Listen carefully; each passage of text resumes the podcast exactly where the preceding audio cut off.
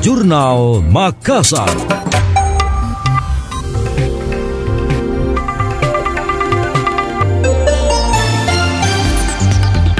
Dinas Komunikasi Informasi Kominfo Sulawesi Selatan tengah merumuskan regulasi terkait pembatasan akses digital bagi anak di bawah umur.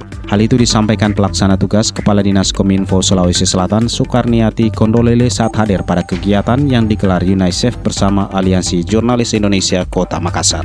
Regulasi tersebut dibuat demi melindungi anak-anak kecanduan gawai atau gadget. Terlebih kasus kriminalitas di Sulawesi Selatan cukup besar melibatkan anak sebagai pelaku. Salah satu pemicunya mereka mencontoh atau melihat adegan berbahaya lewat sosial media. Untuk penerapan regulasi pihaknya akan menggandeng dinas terkait seperti Dinas Pendidikan dan Dinas Pemberdayaan Perempuan dan Perlindungan Anak DP3A Sulawesi Selatan.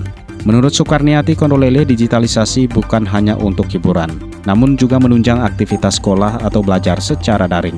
Oleh karena itu, ia mendorong peran semua pihak untuk mencegah anak-anak menggunakan internet di luar batas. Internet seharusnya digunakan sebagai sarana mendukung pendidikan dan meningkatkan pengetahuan.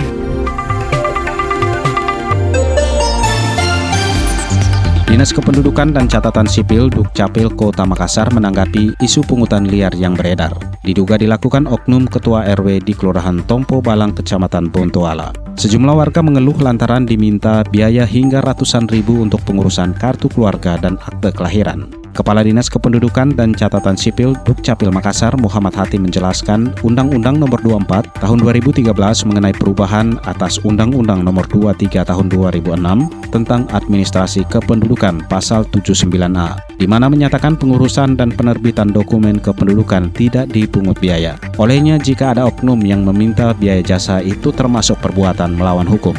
Pihaknya mengimbau masyarakat agar berani melaporkan. Hatim juga menekankan isu pungli yang beredar harus dilihat secara keseluruhan sebelum mengambil kesimpulan.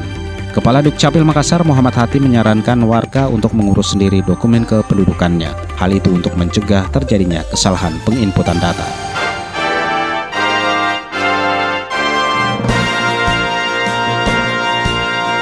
Demikian tadi, Jurnal Makassar.